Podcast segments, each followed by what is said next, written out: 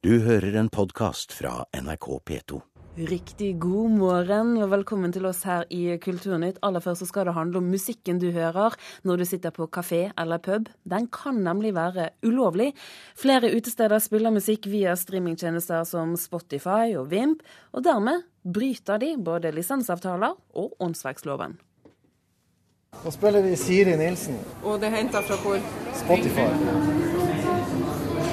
Det er formiddag på Kafé Kaffebønna i Tromsø, og innehaver Bjørn Hellberg er bak disken og sjekker spillelista. Hvorfor bruker dere Spotify? Det er enkelt, og det virker. Så derfor bruker vi det. Blant annet som vi bruker andre digitale løsninger. Ja. Altså, vi har ingen andre alternativer. Lene Aasland og de andre baristaene har sjefens velsignelse til å streame musikk. Han var ikke klar over at dette var ulovlig før avisa Nordlys tok opp saken i forrige uke, og han har laga egen Spotify-konto til begge sine kafeer. I tillegg bruker de ansatte egne lister fra både Spotify, Vimp og iTunes. Det var jo liksom hele skal si, musikklogistikken vår er bygd om på at vi bruker i hvert fall digitale digitalt utgangspunkt. Ja. Så vi har ikke lenger CD-spiller i kafeen. Det finnes ikke oversikt over hvor mange utesteder eller andre næringsdrivende som bruker musikktjenester på nett ulovlig, forteller Marte Thorsby i IFBI, Foreninga for norsk platebransje. Jeg tror det brukes i stor grad. Eh, jeg tror det anses for å være en veldig enkel måte å på en måte ta med seg musikken og spille av det du ønsker på. Men det er klart, dette her er det ikke anledning til i henhold til den avtalen man da har inngått med Spotify eller Wimp. Thorsby forklarer lovbruddet på denne måten. Det er et avtalebrudd fordi at når abonnentene har eh, inngått en abonnementsavtale med Spotify eller Wimp, så har man undertegnet på at abonnementet kun skal brukes til privatbruk.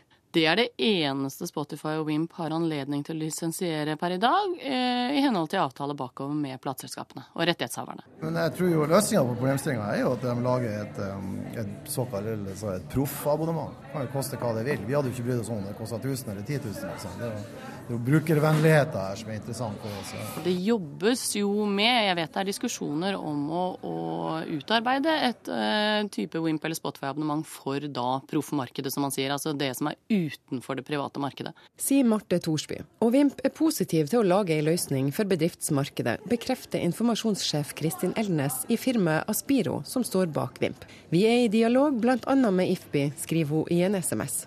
Kaféinnehaver Bjørn Hellberg er tidligere musiker som bl.a. har spilt med Belcanto. Han har ikke tenkt på at hans tidligere kollegaer kan få mindre betalt ved at han streamer musikken deres fra nettet. Jeg lever jo i hvert fall i tro at de får betaling, og vi betaler jo også da tonoavgift og gramoavgift, som er ut ifra hvor mange stoler vi har i kafeen. Så jeg har tenkt at hvor musikkilden kom fra var ganske uvesentlig.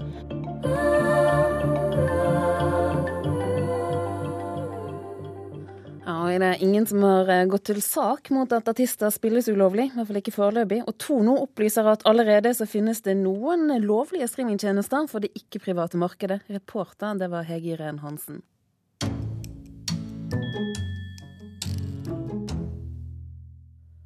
Det kan bli mulig å se videoopptak av Anders Behring Breivik fra terrorrettssaken om ett år. Opptakene fra rettssaken skal låses inn i Riksarkivet, og forklaringen hans blir jo heller ikke sendt på fjernsyn. Men Riksarkivet vil vurdere om deler av forklaringen kan vises til dem som ber om det. Hvis det ikke er taushetsbelagt, så vil vanlige folk kunne få lov til å se dette som alt annet materiale vi har. Sier riksarkivar Ivar Fonnes. En privat visning hos Riksarkivet i Oslo for dem som spør, kan bli mulig. Vi vil da vurdere om de delene av materialet er underlagt taushetsplikt etter forvaltningsloven. Og er det ikke det, så vil vanlige folk kunne få se det. Det er ikke detaljer om drap, men hans forsvar av sin ideologi. Det er mest aktuelt for Riksarkivet å vurdere å la folk se. Jeg syns jeg hadde vært ålreit. Jeg vil jo ikke si nei til det. Sier Jørn Bakken utenfor tinghuset i Oslo. Jeg tror det er godt for folk å se at han er blitt rett og slett kledd naken. Altså. Han har ikke noe forsvar, egentlig. Han kommer med noen sånne sitater. Han har jo ikke skrevet mesteparten det så har han bare klippet og limt. Reporter her, det var Haldor Asvald. Kommentator her i NRK, Agnes Moxnes. Hva synes du om at det kan bli mulig å se videoopptak allerede om ett år? Det er jo litt uh, overraskende, for vi har jo hørt hele tiden at uh, det er uh, disse opptakene skal låses ned og ikke være tilgjengelig på 60 år. Eh, og nå kan altså store deler av dem eh, kunne ses allerede etter et år. Og Det er jo interessant tatt i betraktning med at pressen hele tiden har ønsket å overføre store deler av avhørene av Anders Behring Breivik, eh, og har møtt argumentet at dette skal låses ned i 60 år. Og så hører vi nå da at at det er en annerledes situasjon. Og jeg tror mange reagerer sånn som han reagerte her på slutten, at uh, man ønsker å sitte og se Anders Behring Breivik bli kledd naken. Gunnar Bodal Johansen, du er fagmedarbeider ved Institutt for journalistikk. Eh, hvordan ser du eh, dette i forhold til pressens ønske om å direkteoverføre? Ja, så Dette er jo bare et uttrykk for at man nå ser behovet for at folk, ikke vanlige folk, men folk, vi her ute skal få anledning til å se eh, og opp eh, og høre Breivik eh, sånn som han fremstår i vitneboksen under skarpe avhør eller spørsmålsstillinger fra et skarpt aktorat. Så jeg ser jo det i og for seg som positivt. Men jeg har jo hele tiden, i likhet med pressen, for å bruke det samlebegrepet, ment at man burde ha anledning til å overføre direkte fra domstolen. Ja, hvorfor, det, hvorfor synes du det? Jo, la meg bare si en ting før, vi, før, vi, før, vi, før, jeg svarer på dette spørsmålet. og det er jo det at Vi tenker jo naturligvis ikke sånn at man skal ha en mikrofon og et kamera som overfører alt. Det er klart at det redaktøransvaret det gjelder, og pressen er trent i å vite hvordan man skal håndtere den type spørsmål. Eh, fra eh, referatjournalistikken fra, fra, domstolene. Eh, og Dessuten så er det ikke sånn at vi gir han en talerstol, han sitter i en vitneboks. Og jeg mener det at den, den muligheten til å se ham og oppleve ham live for å bruke det uttrykket, det er nødvendig for å kunne forstå hans, eh, hans, forstå han som person, forstå hva, bakgrunnen for det han gjør. Hvorfor, altså, hvorfor, må du liksom høre og se hva han sier? Altså, jeg, tror er, jeg, tror er, jeg, opplever det sånn nå at eh, man blir Altså, det som kommer fra rettssalen nå, det blir filtrert gjennom, veldig ofte gjennom analytikere og kommentatorer, og det blir på en måte en slags filter mot den virkelige opplevelsen av, av Breivik. Og jeg tror at denne saken her, som har en sånn dimensjon, og som angår oss alle på en sånn måte, selv om det selvfølgelig angår veldig stor grad, i mye større grad de som er direkte berørt, den er nødvendig å få, få forståelsen av eller få hele sak, for, Hvis du skal forstå hele saken, så må du også forstå og se eh, og høre denne personen. Det tror jeg er viktig. altså det Noen bruker uttrykket 'få ham avkledd', og det er vel i og for seg et godt uttrykk for det. Ja. Eh, vi skal gi ordet til Agnes Moxnes igjen. Synes du Bodal Johansen har et poeng her? Ja, det syns jeg absolutt. Særlig når det gjelder dette filteret. Det er jo, jeg har snakket med en del folk i, i går og hører flere og flere si at eh, de blir, reagerer på at mediene som nå opererer ganske likt, altså TV-medier og aviser, med at de har eh, kommentatorer og forstå-seg-på-ere eh, som forteller hva som foregår inne i salen og forteller også hvordan man skal tolke det. Og veldig mange, eh, inkludert Gunnar Bodal Johansen, ønsker jo selv å være den som tolker og den som ser. Gunnar Bodal Johansen, hva får du selv ut av den dekningen som har vært denne første uken? Ja, altså Jeg blir litt forvirret. Eh, det er klart at eh, Man kan jo ikke sitte helt eh, bare og høre på dette. Man må jo ha en, har en jobb man skal gjøre også. Men man forsøker å få med seg så mye som mulig. Og jeg blir jo litt forvirret, fordi at jeg må hele tiden forholde meg til de som tolker, og de, og de, som, altså de som, analyserer og kommenterer. Altså, dette, I denne sammenhengen, fordi at man ikke får referatet sånn som man ønsker å få det, så blir på en måte kommentaren og analysen i mye større grad en sperre. Eh, hvis det blir ikke tillegg til referatet. Det blir ofte det som blir hovedbudskapet man får, og det syns jeg det blir ofte litt forvirrende. Eh, og så blir det jo dette her at man hele tiden må forholde seg til noen som fortolker noe for deg.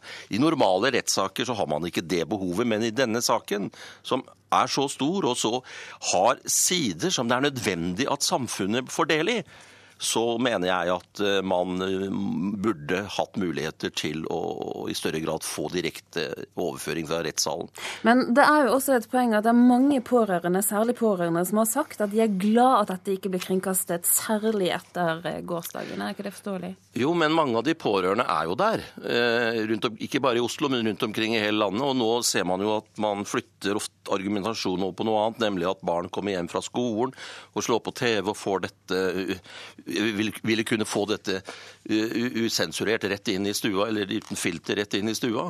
Men det er jo ikke, man må jo være klar over det at mediene er jo ikke bare en, en, en megafon. Mediene har jo også et ansvar for hva de sender videre. Men det er altså tilgangen til, hvis vi kan få bruke det uttrykket, råmaterialet Altså det som skjer i, i, domstolen som er viktig for mediene å få tak i. Og, hvor, og, det er mange måter som mediene kan anrette dette på før de sender det videre ut.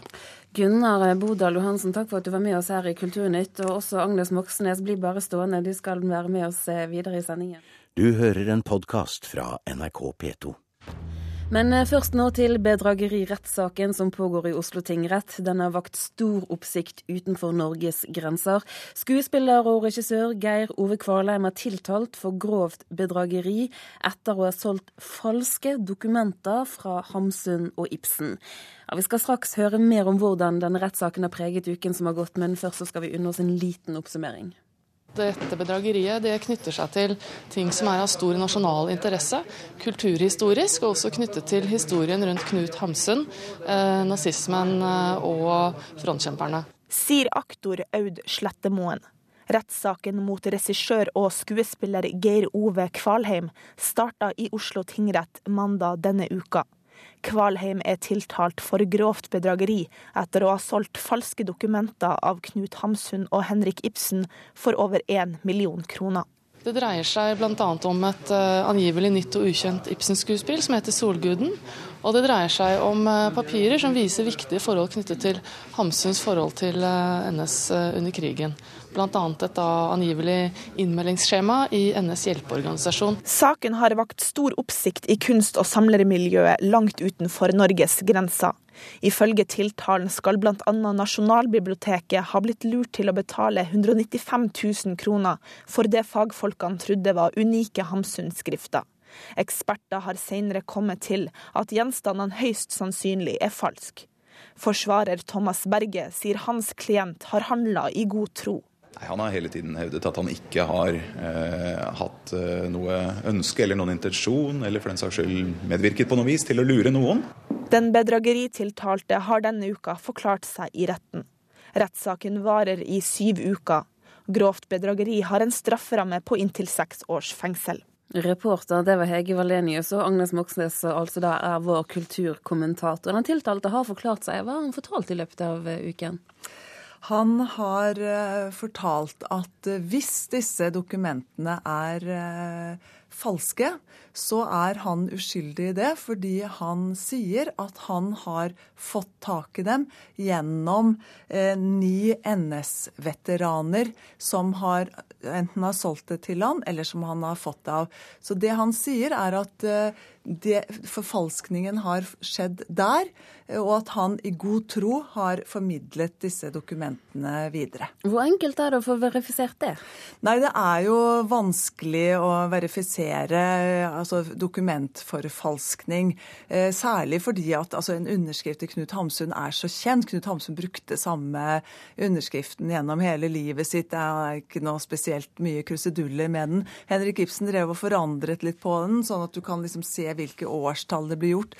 Men nå hentes det jo inn det som kan krype krype og gå av sakkyndige til eh, denne saken som pågår i Oslo tingrett. 90 eh, vitner skal eh, kalles inn, og mange av dem er jo da spesialister på papir, på, på skrift, på litteraturhistorie, på historie etc. etc. Og Det er vel da, også derfor at denne saken er berammet til å vare i syv uker? Ja, det er en lang eh, sak. Og det er, eh, blitt en prestisjesak også for Økokrim, som har fremmet den. Og, og, jeg tenker at det var nok den store feilen som Geir Ove Kvalheim eventuelt har gjort, eh, hvis han har gjort dette med, liksom, med, med bevisst forsøk på å lure noen. Eh, det var nok å selge dokumentene til Nasjonalbiblioteket, fordi at det er vårt alles bibliotek bibliotek, og det er derfra det forskes eh, og skal legges grunnlag for, for, videre dokumentasjon av disse veldig viktige personene, Knut Hamsun og Henrik Ibsens historie. Hvor omfattende er denne saken? Ja, Den er jo veldig omfattende i og med at det er såpass mange dokumenter. De begynte å komme ut på midten av 2000-tallet. Nei, altså 2005 eh, begynte dokumentene å komme ut. Så ble jo Geir Ove Kvalheim dømt i retten i 2005 og syv for eh, dokumentforfalskning. Eh, og eh, i en annen sak, men som involverer noen av de samme av disse gamle NS-veteranene. Så det er en omfattende sak, og dette er jo altså en, signatur. Eh, eller et papir med originalskriften til Hamsun og, og Ibsen, er jo kostbare saker. Det, det, er mye penger ute og går. Og det er mange i samlemiljøet som nå nok er urolig for om de sitter med dokumenter fra ham.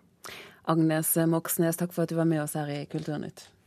NRK satser nå på en ny, stor norsk krimserie for barn. Serien skal hete Odins gull. Den handler om tre ungdommer som jakter på en enorm gullskatt fra vikingtiden.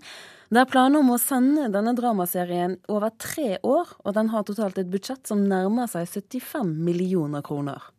En krimserie for barn og unge krimgåter som angår barn i dag. Sier Arild Halvorsen, produsent i TV-selskapet Fabelaktiv i Hamar, som skal lage den nye store dramaserien for NRK. Da dette prosjektet kom inn, Odins gull, så var dette noe vi umiddelbart eh, fikk sansen for. Odins gull er en TV-dramaserie for 10-12-åringer. Prosjektsjef Gitte Kallmeier i eksternredaksjonen i NRK sier det er viktig at norske barn får serier som speiler norsk virkelighet, og hun er skråsikker på at denne vil danke ut utenlandske serier. Å oh ja, det er jeg ikke i tvil om. Denne serien handler om tre ungdommer som er litt sånn outsidere i, uh, i miljøet. Og de leiter etter uh, Odins gull. Sier Trond Morten Christensen Venåsen, som sammen med Morten Hovland skriver historien om de tre unge heltene. Det er veldig veldig flott å skrive. Ja, det er noe av det beste jeg har, har vært med på. Jeg er ganske sikker på at det vil fenge unger. Dette her, blir, uh, dette her kommer til å konkurrere med de amerikanske seriene som i fart og spenning, så jeg er helt sikker på det. Odins gull er en enorm verdifull gullskatt som forsvant under vikingtida. I TV-serien møter vi de tre ungdommene Runa, Lars og Simen. Som du ser her, så er det nå ikke Odins gull, men Odins gold. Nå jobbes det også for at den nye storserien for unge skal selges til de andre nordiske landene og til Tyskland og Nederland. Da tror jeg vi har en sjanse til å bli vist i mange land. Vi er jo superoptimister. Jeg syns det var for få serier tiltenkt ungdom. Sier Inge Tenvik i Film 3 i Lillehammer, som hadde ideen om den nye store dramaserien for unge. Alle leste Hardy-gutten og Frøken Detektiv og sånne spenningsserier. Det må jo være mulig å lage den type moderne serier med moderne ungdom som har et mysterium som skal løses. For det synes de aller fleste, både ungdom og voksne, synes det er morsomt å se på. Innspillingsstart er planlagt i mars neste år. Serien skal spilles inn i Skjåk i Nord-Gudbrandsdalen. Ja, alle som spør hvorfor Skjåk, da er det egentlig bare å dra dit. Skjønner du veldig fort hvorfor. Det er en kompakt fjellandsby. Utrolig entusiastiske folk. Og så er det en natur eh, som eh, omtrent gir deg alt. Og det er så viktig at det foregår ting andre steder eh, enn i eh, urbane strøk. Odins gull vil bli den største TV-dramaserien som er laget i Innlandet til nå. Den vil gi behov for flere nye arbeidsplasser i distriktet, sier direktøren i Film 3. Eh, hvis den blir gjennomført sånn som den er tenkt, med tre sesonger på NRK og over 30, med over 30 episoder, så vil det i utgangspunktet utgjøre over en samlet produksjon på over ti spillefilmer og generere et sted mellom 30 og 50 nye arbeidsplasser i den perioden. Og reporter her, det var Stein Eide. Kulturnytt i dag, det var laget av Espen Alnes, Hanne Lunås og her i studio, Turi Grønbæk. Du har hørt en podkast fra NRK P2.